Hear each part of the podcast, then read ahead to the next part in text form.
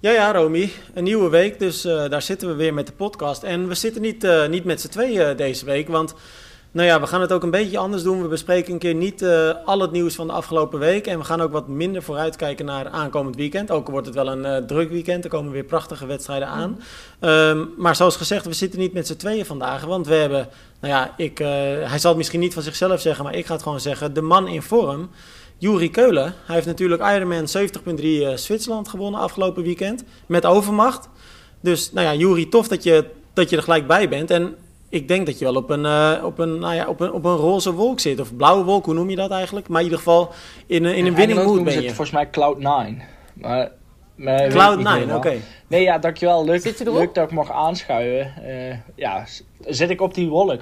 Um, ja, na de race wel. Alleen ik moet dit weekend weer racen, dus ik wil nog niet te veel eigenlijk uh, dingetjes loslaten. Maar daarna hmm. heb ik, uh, Welke wedstrijd ga je pakken? een week echt bijna vakantie. Ik train wel een beetje, maar niet, uh, okay. niet heel extreem. En dan ga ik denk ik wel, okay. ga ik denk ik wel even een biertje pakken met die jongens. Dus, ja, dat moet toch wel. Je moet wel een ja, beetje resetten, toch? Ja, zeker. Het is gewoon een hele intensieve periode geweest. Vanaf, ja, nou zeg, we kunnen eigenlijk wel zeggen vanaf november mm -hmm. vorig jaar. Welke wedstrijd ga je dit en, weekend um, pakken dan? Uh, EK in Denemarken. Ah, Elsinore. De okay. ja, ja, ja, okay. ja, Pittig programma. Maar heb je ook niet, misschien herken je dat, dat dan als je dan heel lang hoopt dat zoiets waar wordt, dat dan de dagen daarna dat je vervolgens ook gewoon moe bent of zo en dat het alsnog niet helemaal voelt zoals je had gedacht? Of, of wel? um, ik moet wel eerlijk zeggen dat ik dat wel heb gehad. Alleen op een gegeven moment ga je meer racen en eigenlijk ga je ook meer bevestiging krijgen in de races. Bijvoorbeeld, kijk, Miami had ik dat veel meer. Maar nu heb ik al een aantal mm. halves gedaan dit jaar. En het zijn altijd wel degelijke resultaten geweest voor mij.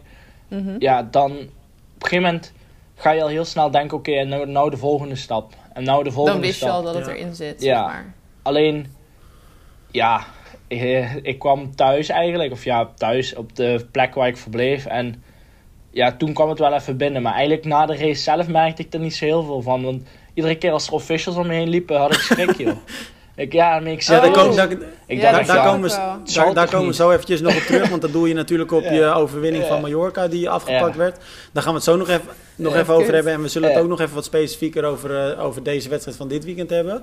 Wat ik me vooral afvraag, uh, kijk wij hebben elkaar best wel veel gesproken toch? Jullie de afgelopen jaren hebben we best wel vaak, of niet per se vaak, maar uh, vrij uh, frequent contact met elkaar gehad. En we hebben elkaar vaak voor wedstrijden gesproken. En ik heb het idee dat je best wel de afgelopen tijd een hele andere atleet bent geworden dan dat je een aantal jaar geleden was. Best wel grote stappen hebt gezet, maar ook mentaal veel sterker bent geworden. Ik, ik, vraag me af, heb je dat idee zelf ook? En heb je altijd het idee gehad dat dit erin zit, wat er nu uitkomt? Of heb je ook wel eens getwijfeld? Nou, om eerlijk te zijn, ik heb wel getwijfeld, ja. Ik heb vorig ja, ik won dan dit weekend dan um, Rapperswil, maar eigenlijk op de dag dat, dat, dat ik dus op de dag een jaar geleden, dus echt 19 uh, eh, juni, een jaar geleden, weet ik nog dat ik hier met mijn ouders uh, in de tuin zat. Echt zag een as. Mm. En dat mijn ouders letterlijk aan mij vroegen, ja, zit het er eigenlijk wel in? Weet je, het kan wel allemaal mooi zijn, het kan ook allemaal wel in stand worden gehouden, maar misschien is het het gewoon mm. niet. En toen heb ik wel heel duidelijk tegen mijn ouders gezegd, nou ja, ik denk niet dat we het plafond hebben bereikt. En ik heb gewoon het geluk gehad dat ik um, op dat moment de juiste mensen mee had. Kai Reus onder andere, dus een, eh, een oud wielrenner, die heb ik leren kennen bij trainingstage in Namibië. Mhm. En die heeft zich eigenlijk om mij ontfermd en die zei, ja, ik kan het niet meer aanzien. Ik kan het echt niet meer aanzien. Waar kwamen, die twijfels, waar kwamen die twijfels toen de tijd vandaan? Um, nou ja, jij weet dat denk ik zelf ook. Uh, op een gegeven moment moet je gewoon vertrouwen krijgen door een periode heen. Als je ergens mee bezig bent, uh, moet, moet je vooruitgang zien. Je moet een bepaalde ja, uh, als je de heg gaat snoeien, dan op een gegeven moment halverwege kijk je eens naar en denk je, ja, de andere helft ziet er wel mooier uit dan, ja. dan wat ik nog moet doen. Op een gegeven moment krijg je bevestiging, vertrouwen, ook van mensen van buitenaf. Ja, en iedere keer als, als het dan allemaal net niet is voor jouw gevoel, ja, op een gegeven moment ga je dan ook wel oprecht denken, ja, waar komt dat vandaan? En dan gaat, het wordt natuurlijk de druk opgevoerd. En ook de druk voor jezelf, financieel, maar ook gewoon, ja, je moet presteren, want anders stopt het hier. Ja. Uh, ja, daar komen die twijfels wel vandaan. Waarin was het dan net niet? Want zat dat hem dan in trainingen of meer in de races? Op de korte afstand dan? Ehm, ik had deze week... Ik, ja, ik heb, ik, in Zwitserland heb ik verbleven bij mijn toenmalige... Of ja, ze is nu niet meer mijn vriendin. Maar op dat moment was zij... Ja, niet dit weekend, maar twee jaar geleden was zij nog mijn vriendin. En ik heb bij hun ouders geslapen deze week. Mhm. En het voelt voor mij als thuis. En zij zit eigenlijk in hetzelfde, op hetzelfde punt waar ik vorig jaar ook zat. En waar komt dat vandaan? Ja, het is gewoon een soort van... Je krijgt op een gegeven moment krijg je een soort van angst. Ja. En die angst kun je ook bijna niet beschrijven. Maar het is een soort van... Ja, je slaapt slecht. Terwijl je het idee hebt dat je goed slaapt. Je krijgt in één keer uitslag in je gezicht. Je herstelt niet meer. Hmm. Terwijl in trainingen gaat het eigenlijk allemaal prima. Ja. Maar op het moment dat je dan in wedstrijden komt... Dan krijg je toch in één keer... Ja, je klapt gewoon dicht. En ik zei, angst. Ja, ik zei ook tegen haar van... Ja, heb je het idee dat je nog wel diep kan gaan in wedstrijden? Jezelf echt op de pijnbank kan leggen? Ze zegt nee. En ik had precies hetzelfde. Iets waar ik heel goed in was. En dat was hoog lactaat aanmaken door een muur heen. Beuken bij wijze van spreken. Kreeg ik gewoon niet voor elkaar. Het hele jaar lang niet. Nee. Hoe kom je dan op het punt dat je dat, je dat van je af kan zetten. En dat je uh, die, ja, die barrière toch doorbreekt? Want als ik dan... Uh, nou ja, jij zei het al. Hè, eigenlijk vanaf afgelopen uh, november vorig jaar is het echt een enorme stijgende lijn. Nou, je werd vijfde bij Challenge Mallorca, vierde bij Clash Miami, zesde bij de Championship. Nou ja, je won Ironman 70.3 Mallorca, ook al werd hij dan afgepakt. nu dus winst in Zwitserland. Wat is het moment dat jij voor jezelf blijkbaar kon zeggen van... oké, dit moet anders en ik ga het nu ook anders doen? Nou ja, ik wilde in... Boah, eigenlijk na Kitzbühel wilde ik al iets anders. Alleen ja, het was best wel lastig om te vinden hoe dan. Hoe gaan we dat dan doen? Wanneer was Kidsboel voor de mensen die het niet 18 weten? juni. Oké, ja. Uh, 2021. Dus de dag voordat je het gesprek met je ouders had? Ja, ik, uh, ik kwam thuis hier en toen had ik het gesprek met mijn ouders.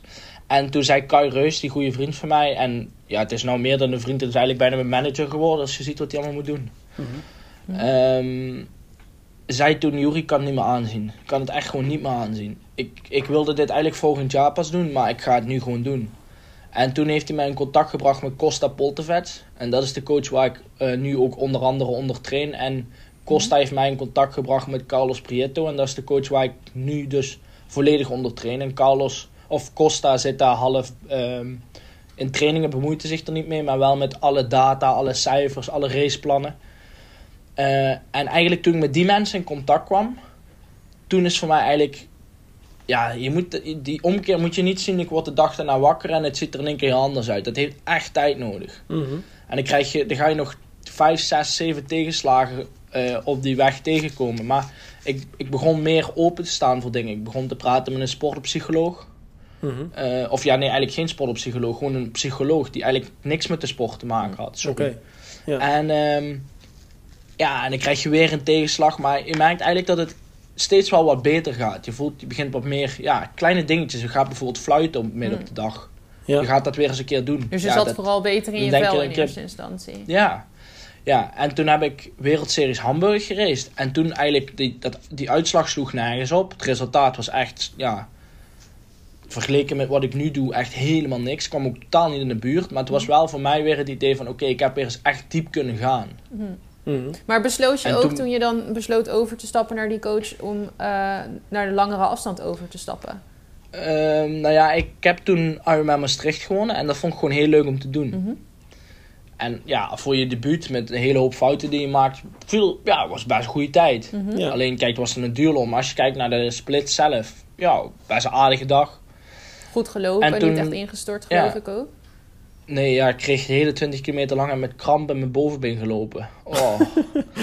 ja, maar, maar, maar, wat zeg Het was ook rot weer die dag volgens mij, of niet? Zo, het was warm joh. Oh, warm? Maar heel, heel vochtig. Ja, ja vochtig oh, Ik dacht dat het regende, maar dat... Ja, na de finish regende ah, het zo hard. Ja, ja hij, Jury was zo snel binnen, daarna begon het pas te regenen. maar eigenlijk, uh, en dat vond ik heel leuk om te doen. En toen zag ik Challenge Pagera staan en toen dacht ik, hé, hey, waarom niet? Ja. En um, toen zei Costa ook tegen mij, ja Jury, doe het gewoon. Leuke race, einde van het seizoen. Daarna ga je een ander traject in. En dan ja, heb je gewoon, sluit je gewoon af met een, leuke, met een leuke noot. En zie jij die wedstrijd waar je vijfde werd en ik stond toen uh, langs de kant uit mijn hoofd, is dat afgelopen oktober geweest? Denk 17 ik? oktober, ja. Ja, precies. Uh, zie jij dat als een, ja, toch een, een ommezwaai eigenlijk in, uh, nou ja, in dat proces dus? Was dat het moment dat je weer dacht van oké, okay, ik kan nou ja, het dus toch? Resultaatgericht wel. Alleen ik denk dat bij mij het, het de omkeer twee weken van tevoren kwam. Ja. Ik ben toen naar Girona vertrokken. Um, gewoon, ik heb daar een hotel geboekt. Ik ben daar met een aantal, uh, met een jonge Nieuw-Zeelander, Dylan McCullough, gaan trainen. Mhm. En die ouders waren ook daar en die hebben me eigenlijk onder de arm genomen. En die gingen eigenlijk alles voor mij in een ander daglicht plaatsen. In de zin van, ja, uh, mijn relatie met, uh, niet, met niet het Zwitserse meisje, maar een ander iemand ging toen op dat moment uit. En ja, zij begonnen daar op dat moment ja, ik zat altijd zo, oh, vervelend. En hij zei juist, die vader, ja, maar ze heeft je eigenlijk een plezier gedaan, want anders zat je niet. Nee, nee. En toen ging ik dingen in één keer een ander perspectief zien. En toen merkte ik gewoon dat ik buiten uh, het programma uh, in Sittard zat. En eigenlijk merkte ik dat ik gewoon lekker mijn ding kon doen. Ik kon gewoon lekker trainen. Ik kon gewoon lekker mijn intervallen rijden op de tijdritfiets. Ik had echt plezier erin. En dat was natuurlijk ook wel de periode dat het super hectisch was rondom het NTC. Want dat was toen met al die problematiek die naar buiten kwam. Ja, precies. Maar ik zat eigenlijk gewoon, ja, zoals het ware op mijn eilandje, niemand in de buurt. Ik kon gewoon rustig, ongestoord mijn ding doen. Ja. En ja, toen dacht ik, ja, waarom uh, blijf ik hier niet langer? Ja, dat is ook wel, volgens mij, Juri, maar corrigeer me vooral als ik het fout heb, uh, iets wat jij echt nodig hebt. Hè? Jij hebt wel een soort stabiele, rustige omgeving nodig, waarin je niet per se al te veel uh, externe prikkels hebt. Ja, maar ik heb ook vooral mensen nodig waar ik niet aan hoef te twijfelen. Ja, ja. Dus op het moment dat ik ja, deze week dan um, in Rapperswil, ik voelde me echt de hele week echt minder. Ik had echt best wel hard getraind. Ik heb ook drie weken in een hoogtetent gezeten. Mhm. En ik, iedere dag was een beetje loterij hoe ik me zou voelen. Maar ik heb geen moment getwijfeld omdat ik wist dat wat Carlos deed het juiste zou zijn en dat ik zondag wel in orde zou zijn. Ja, ja. ja volgens mij was ik dat op het moment dat, uh, dat ik moest racen, was ik in orde. Ja. En dat is gewoon, ik merk gewoon dat mij dat heel veel rust geeft. Ja, maar ook gewoon Kai die een hele hoop onrust wegneemt. Um, vluchten voor me boekt soms. Uh, maar ook gewoon ja, mailtjes stikt waar het bij mij nog, nog twee, drie weken blijft liggen. Mm. Ja. En daar is, hij heeft gewoon een baan, maar dat doet hij dan in de avond ook het financiële plaatje uh, met de boekhouding en alles gewoon op orde brengt. Mm. Ja, dat scheelt gewoon zoveel stress. En dan ook gewoon coaches die gewoon um, ja, mij happy willen zien en dan mij fit willen zien. En niet mij fit willen zien ten koste van. Ja. Ja. En dat scheelt gewoon. Ja, ik merk gewoon dat dat het allerbelangrijkste voor mij is. En ja, ik weet niet of jullie ooit in Girona zijn geweest, maar nee. ja, dat is, het is wel, een mooie omgeving. Hè? Het is wel de plek voor mij waar ik me thuis voel. Ja. Zei ik nog deze week. Het zijn twee plekken waar ik me thuis, drie plekken. Dus thuis bij mijn ouders. Dat is in Zwitserland en dat is hier, hm. in ja. Girona. Of ja, hier in Girona, in Girona. Ik ben niet in Girona nu. Ja. Maar, nee. maar goede keus gemaakt dus. Hey, ja. um, jij zei het net al, hè? Uh, uh, Mallorca, die uh, ja, overwinning werd je eigenlijk door de neus geboord door een, nou op zijn zachtst gezegd, en ik zeg het gewoon, dubieuze beslissing van de officials. daar hoeven we nu niet al te veel over uit te wijden, want het verhaal heeft natuurlijk op onze website gestaan. Um, wat ik me wel afvraag, want dat is minder dan een maand geleden. Jij zei toen tegen mij, we hebben elkaar toen gesproken. En nou ja, plat gezegd, je vond het natuurlijk gewoon een klote situatie, wat ook logisch is. Maar ja. jij zei heel snel, of eigenlijk gelijk, van uh, ze kunnen doen wat ze willen, maar mijn tijd komt nog wel. Uh, maar ik kan me zo voorstellen dat je dat tegen mij zei, maar bij jezelf ook dacht van, ja, dit is natuurlijk uh, gewoon waardeloos. Hoe heb je toen gelijk die knop omgezet om weer volle focus naar de volgende wedstrijd te gaan? Want dat lijkt me best wel een grote klap. Nou, poh. Um, kijk, 24 uur na een race, dat weten jullie ook, dat is echt, dan voel je alles.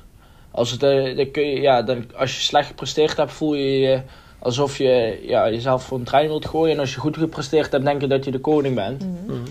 En op, maar op dat moment, en dat is denk ik wel het beste advies wat ik ook wel deze, dit jaar heb gehad. In de Sierra Nevada zei Javier Gomez tegen mij, Yuri, soms zijn dingen niet zoals het is. En als jij een training moet doen en je haalt je tijden niet, dan is het zo. Maar probeer de emotie los te koppelen van zoiets. Mm -hmm. En dat is heel moeilijk op dat moment. En het is ook me niet echt gelukt hoor. Maar al heeft het een procent of twee, drie gescheeld dat ik dat wel kon doen, heeft het me wel geholpen. En ik heb gewoon met de juiste mensen gebeld. Met Carlos, met Costa, met Kai. Um, met mensen in Girona waar ik veel contact mee heb. Um, en die hebben me eigenlijk constant in het juiste, het, in het juiste perspectief gezet. Maar, het kan je maar dan nog was het een enorme klap voor je, toch? Zo, joh. Ik kwam drie dagen later, was ik in Girona en ik voelde me echt alsof ik een, een of andere loser was. Alsof ja, ik uh, ja, een of ander uh, crimineel was geworden, joh. Maar kan het je niet maar het ook... vervelende was, ik kwam op het hotel aan en er stond de champagne klaar. Ja. En het hele personeel stond daar met de handen te klappen. Oh. En ik kom daar aan, ja... Uh, Sorry jongens, maar het is niet geworden. Maar goed, dat is echt, je hebt ook wel echt de zuurste na, ja, eerste overwinning gehad ooit. Ook net je eerste overwinning waarbij dit dan gebeurt. Het is niet iets wat echt vaak gebeurt of zo. Maar ja, op zich mensen zeiden wel, en ik denk ook wel de juiste mensen. Dus bijvoorbeeld Nicola Spierig zei dat ook tegen mij naar de finish. Maar ook Javier Gomez uh, stuurde mij een berichtje. Want Carlos is de oude coach van Javier. Mm en die zeiden ook, Jury, zolang jij maar weet dat je vandaag gewonnen hebt. En wat die mensen dan ook daarvan doen en wat die mensen ook dan zeggen, dat maakt niet uit. Hm. En ik denk dat... Ik kreeg een berichtje na de finish van een vader van twee kleine jongetjes. En die zeiden, ja, luister... Wij stonden met onze twee zonen langs de kant. En ze zijn al de hele dag over je praten. En ze vinden het zo geweldig dat je gewonnen hebt. Voor ons bij de winnaar. Ja, dat is voor mij veel meer waard dan, dat, dan, die, dan die bokaal. Maar is het ook niet zo dat het je juist uiteindelijk ook heel erg gebrand heeft? Want je zegt nu, ik moet die, moest die emotie loslaten. Maar ik kan me ook voorstellen dat het kan zorgen dat je iedere training die erna komt denkt van... nou, uh, dikke vinger, ik doe het gewoon nog een keer. En dan pakken ze hem nou niet af. Ik, ik moet eerlijk zeggen, ik heb wel gejankt hoor. Ook met mijn vader een keer. En met mijn pa heb ik al uh, tien jaar niet zien huilen. Hm. Dus, maar dat is toch ook logisch? Want iets waar je zoveel voor doet, ja die emotie loszien is gewoon heel moeilijk. Alleen, ja, op een gegeven moment kom je dan in... in en, en ik voelde, ja, ik denk dat dit het beste is om te beschrijven. Ik voelde me een bokser die 11 ronden tegen Conor McGregor gevochten heeft en verloren heeft. Ja, ja, ja, je hebt alle schade gelopen, je hebt alles gedaan, maar je krijgt eigenlijk... Iedereen weet dat je verloren hebt, als het ware. Ja. op een gegeven moment ben ik ook maar gewoon gaan fietsen alleen en ook maar gewoon intervallen gaan rijden. Maar dat vind ik eigenlijk best wel opvallend dat je dat zegt. Want je zegt, hè, ik kwam thuis en ik voelde me eigenlijk een loser. Ik voelde me een nul. Uh, maar dat toont dus gelijk aan hoe diep het bij jou zit. Uh, wat er dus gebeurt als je verliest, maar ook als je wint. Het is dus uh, een emotionele rollercoaster, zo, zo, zou ik het wel kunnen zeggen dan. Ja, nou ja, je weet eigenlijk gewoon dat je in orde bent en dat je goed bent en dat je zo'n wedstrijd kan winnen. Mm ja. Dat weet je. Ja, in de zin van, ik heb het net gedaan. Ja, Alleen, ik krijg de waardering er niet voor. En ik denk dat dat gewoon heel lastig is. Alleen, ik heb zo ongelooflijk intensief contact gehad met mijn drie coaches, eigenlijk mijn, mijn driehoek. Echt gewoon dagelijks. Kai heeft mij drie, vier keer per dag gebeld. Costa heeft mij twee keer per dag gebeld. Carlos belde me iedere avond om negen uur, uur lang op de feest. om te zorgen dat ik, dat ik het verwerkt kreeg. Ja. En dat ze gewoon, Carlos vroeg aan mij, Jury, dat wil je deze week doen? Wat, wat is nou een, een training waar je van denkt, ja, hier, dit is een lekkere training. Om weer vrolijk ja, van te worden. Ja, en toen liep ik de week daarna, dus in dikke week voor San Morin, liep ik een baantraining en liep ik 15-10 op de 5 kilometer als split. Oh, Zo. Ja, dan weet je wel dat het in de noorden zit en op een gegeven moment kom je er dan wel doorheen. Ja. Ja, en dan zie je San Morin, zie je dan Gustav op de startlijst komen, ja, en dan brandt het nog meer. Mhm. En dan denk je, ja, haha, eindelijk krijgen ze eens een keer de kans om met, een, met de wereldkampioen 70.3 op op een startlijst te staan. Dan kan ik dus echt zien hoe ver ik erachter zit. Of ja. hoe, waar, waar, ik, waar ik beter dan hem ben en waar ik minder dan hem ben en wat ik nog moet leren. Mhm. Ja. En dat heeft mij enorm gebrand. En Costa was met mij in Samorin. Dus ik had ook geen moment eigenlijk voor mezelf het idee... ja, oké, ik, ik, kan het laten lopen nu. Mhm. Nee. En wat zijn de dingen die je vooral nu nog moet leren? Waar je beter nog kan worden? Boah, ik maak soms nog wel eens van een mug een olifant. Ik denk het hardlopen dat je ook nog wel kan verbeteren, persoonlijk. ja, niet door mijn enkel gaan. dat is een grapje hoor, want je loopt juist ik, heel sterk. Ik, ging, ik, ik wou net zeggen, ik als dit weekend op twee kilometer lopen ging vol door mijn enkel in. Ai. Door een stoeprandje of zo? Of? Nee, ja, ik pakte een beker water langs de zijkant en ik stap echt recht in een soort van spleet in de weg. Oeh. Maar maakt niet uit, een beetje dik, maar ik kan erop gelopen. Is, ja, het is niks afgescheurd. De enkel van Marten van Riel zag er erger uit uh, na Leeds. Maar, maar, maar oké, maar je maakt van een mug een olifant dus. Maar, maar zeg maar nou, echt sportief gezien, wat, wat, is, wat kan je nog verbeteren? Um, ik denk nou sowieso dat ik over alle drie de onderdelen nog wel een stap kan zetten. Maar dat heeft meer te maken met trainingsomvang die ik ga maken door de jaren. Mm -hmm. Want het is, het is heel makkelijk om te zeggen, ja, ik kan een Ironman winnen, dus ik ben goed in orde. Mhm. Maar ik denk dat mijn grootste verbeterpunt wel op de fiets ligt. Maar wat ik wel, waar ik wel benieuwd naar ben, want je deed vroeger natuurlijk korte afstand. Um, De lange afstand is wat anders. Eigenlijk twee vragen. Ik zal met één vraag één beginnen. Um, ben je meer gemaakt voor de lange afstand? Het is misschien een beetje een soort logische vraag, maar um, of zit het hem erin denk, dat je anders traint nu? Ik denk het niet. Ik denk gewoon dat ik anders train. Oké. Okay. als je kijkt naar wat ik bij het programma in Sittard heb getraind, is eigenlijk alleen maar duur. Ja. Dus eigenlijk bijna vrij weinig harder dan 3 minuten of dan 340, 350 kilometer. Je trainde eigenlijk al voor de lange afstand. Ja, en ik denk dat dat nu wel ervoor gezorgd heeft dat ik een grote basis heb liggen. Mhm. Alleen bijvoorbeeld onder Carlos loop ik 8 keer 400 en alle, alle 400 meters moeten onder de minuut. Mhm. Ja. ja, en het lukt me wel. Ja. Dus ergens is ook wel een motortje wat gewoon constant getriggerd moet worden. Maar die snelheid zit er dus ook in, ja. je zeggen. Ja, alleen ik denk dat, kijk, je kan trainen dat je, je kan 30, 40 uur per week trainen. Echt, dat, dat, dat kan ieder lichaam aan als je daar naartoe werkt. Ja, 40 uur misschien een beetje overdreven, maar 30 uur en je hebt geen, je leeft als een prof triatleet, kan ieder lichaam dat denk ik wel aan. Um, Alleen, ik kan die 30 uur per week trainen, maar als ik met mijn kop er niet fatsoenlijk naast sta, dan gaat die 30 uur gaat niet binnenkomen, want ik herstel slechter, ik, ik eet slechter en het is allemaal heel onbewust. Hm. Maar ik kan 25 uur trainen, maar heel happy zijn en ik heb de juiste mensen en de hele intensieve begeleiding om mij heen op afstand, hè, want hm. ze zijn niet in Girona. Ja, dan komt die 25 uur met heel veel intensiteit, komt veel meer binnen. ja. ja. Maar dus het, de key is eigenlijk inderdaad de juiste mensen om je heen. Dat heeft heel veel voor je veranderd. Wat ging er afgelopen zondag, of wanneer was het? Zaterdag? Ja, zondag. zondag. Wat ging er zondag door je heen toen je, toen je over die finish uh, ging en, en wist van oké, ik heb hem te pakken?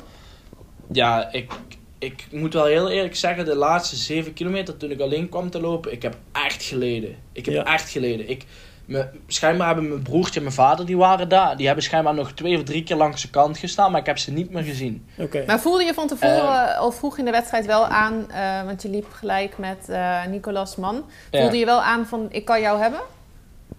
Ja, ik had er met Mallorca op drie minuten gelopen. Okay. Dus ik wist wel van, ja, nou ja... Kijk, tuurlijk moet je nog altijd op de dag zelf zien. Maar ik had wel zoiets van, ja... Er zijn er niet heel veel die het ritme kunnen blijven volgen. Mm -hmm. En in de afgelopen periode heb ik met Carlos heel veel gewerkt op fartlek. Dus 500, 600 meter echt hard. En dan uh, herstel, maar dan wel echt door blijven lopen. En dat doen we gewoon met een reden. Want dat heb ik ook afgelopen zondag gedaan. Eigenlijk iedere kilometer ging ik ergens wel een beetje versnellen, een beetje gas terugnemen. Om gewoon iemand niet in zijn ritme te laten komen. Dus je was perfect ja, voorbereid op een side-by-side -side battle, zeg maar. Ja, en ik weet ook gewoon met mijn 800 meter ervaring, ja, ik weet wel hoe ik een sprint in principe moet lopen. Mhm. ja. Alleen ik had zoiets, ja, ik ga echt niet op een wedstrijd van vier uur, ga ik echt niet sprinten. Daar heb ik echt geen zin mhm. in. Nee. maar eh, maar en, toen, en toen heb je dus 7 kilometer echt uh, geleden. Ja, ik heb echt geleden, ja. Tegelijkertijd weet je ook dat als je op kop ligt, dan kan je altijd iets makkelijker leiden. Ja, ja, ja. Alleen, um, ja, op een gegeven moment ga je delen in een parcours, ga je ga je eigenlijk over nadenken. Oké, als ik daar eens ben, dan ben ik er bijna. Mhm. Oké, dit heb ik gehad. Dan het volgende traject. Oké, en dan het volgende stuk. Ja. Dus op een gegeven moment ga je zo nadenken. Maar je weet ook, ja, op het moment dat iemand moet lossen of, moet, of breekt, dan breekt hij ook vaak echt goed. Er zijn er maar hele weinigen die echt terugkomen. Ja. Dus dan weet je gewoon, nou ja, oké, 30 seconden. Als ik aanzet om hem te lossen, moet ik echt even, echt even diep gaan. Mm Na de volgende 2, 3 minuten, die gaan heel veel pijn doen. En daarna probeer ik gewoon steady door te lopen. Ja, Gewoon een mentaal spelletje. Je gaat, ja, je gaat gewoon hele kleine stukjes ga je het hakken. Oké, het volgende aid station. Oké, het volgende kilometer. Oké, tot die bocht. En dan ben ik alweer een stuk verder. Op een gegeven moment ga je tellen. Oké, ik heb er nou 16 kilometer gehad. Oké, het zijn er nog 4,5. Nou, dat is ongeveer mm goede 16 minuten. Bij wijze van spreken. Zo ga je, zo ga je, ja. zo ga je nadenken. Ja, je gaat die wedstrijd gewoon in stukken hakken. Zijn er dan ook momenten dat je denkt van... ik ga dit niet meer halen, ik, eh, dit doet te veel pijn? Of nee, ik kijk bijvoorbeeld niet achterom. Want als ik achterom ga kijken, dan denk ik... dan ga je twijfelen aan jezelf. Mhm. Ja, ik had zoiets... als hij nu eroverheen komt, is hij echt de beste geweest. Ja, en dan, dan heb ik gewoon gegokt, verloren. En dan is hij gewoon echt beter. En dan kan ik helemaal leven met een tweede plek. Ja. Toen uh, zag je die finish en ging je dus wel over, over de streep als eerste. En dan uh, stel ik gewoon de vraag nog een keer. Wat, wat ging er toen door je heen? Eh, opluchting of ja, alleen blijdschap? Of, of Mart Smeets. Mart Smeets. wat gaat er door je heen? ja, ja, ja. Nou, hij is een groot voorbeeld voor me. ja, nee, ja. Boah, op dat moment kwam ik echt over de finish. En toen dacht ik wel van... Wow. Ik, ik kon het nog niet echt begrijpen. Ik kon niet echt beseffen wat er gebeurde. Omdat ik, ik was echt leeg. Ja. Nou, op een gegeven moment ga, lig je even een keer op de grond en dan hoor je je naam en dan hoor je applaus. En dan vraagt de race official, wil je even voor de finishlijn blijven lopen? Mhm. ja, en dan zie je mijn broertje, mijn, mijn, mijn vader en de familie van Jasmin staan. En dan weet je gewoon, ja, fuck, hier doe ik het voor. Ja. Op een gegeven moment gaat iedereen voor je klappen en kleine kindjes komen naar je toe voor op de foto, handtekeningen. Ik mocht op de foto met de cheerleaders, vrij leuk.